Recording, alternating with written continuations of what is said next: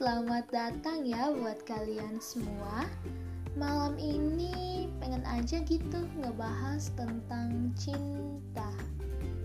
Yang kata orang berjuta rasanya.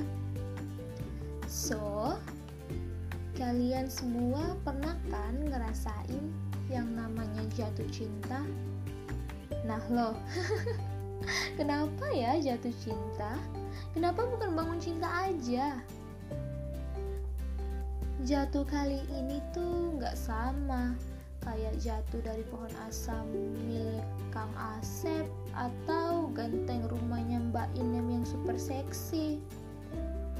Jatuh kali ini rasanya super bahagia.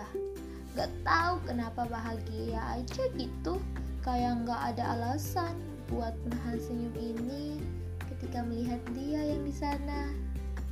Setiap melihat dia, rasanya jantung ini ingin melonjak pergi meninggalkan raga untuk menemukan rumah yang nyaman.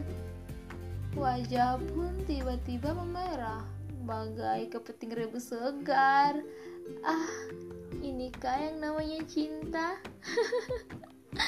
Sekian dulu ya teman-teman. Jangan bosan-bosan mampir ke podcast ini ya. Sampai jumpa.